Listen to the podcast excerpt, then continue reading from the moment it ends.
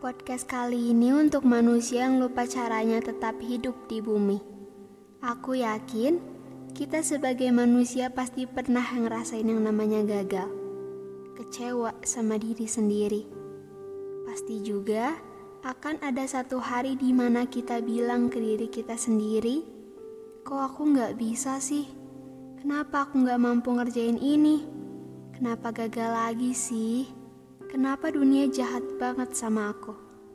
Aku tahu kita pasti takut bikin orang yang sudah berekspektasi tinggi terhadap kita akan kecewa. Tapi hidup dalam ekspektasi orang lain itu nggak enak. Pasti capek. Dan kalau kalian lagi ngerasain itu sekarang, aku cuma mau ngingetin satu hal yang paling sederhana, yaitu bilang makasih. Makasih badan aku yang mau tetap kuat menjalani banyak hal. Makasih kaki aku yang selalu mau diajak jalan jauh.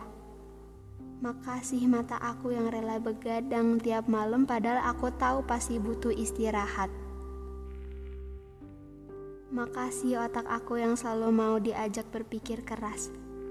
Makasih untuk segala hal dalam diri aku. Karena sejatinya, Tempat kepulangan paling nyaman adalah diri sendiri. Dan jangan lupa juga untuk bersyukur sama Tuhan.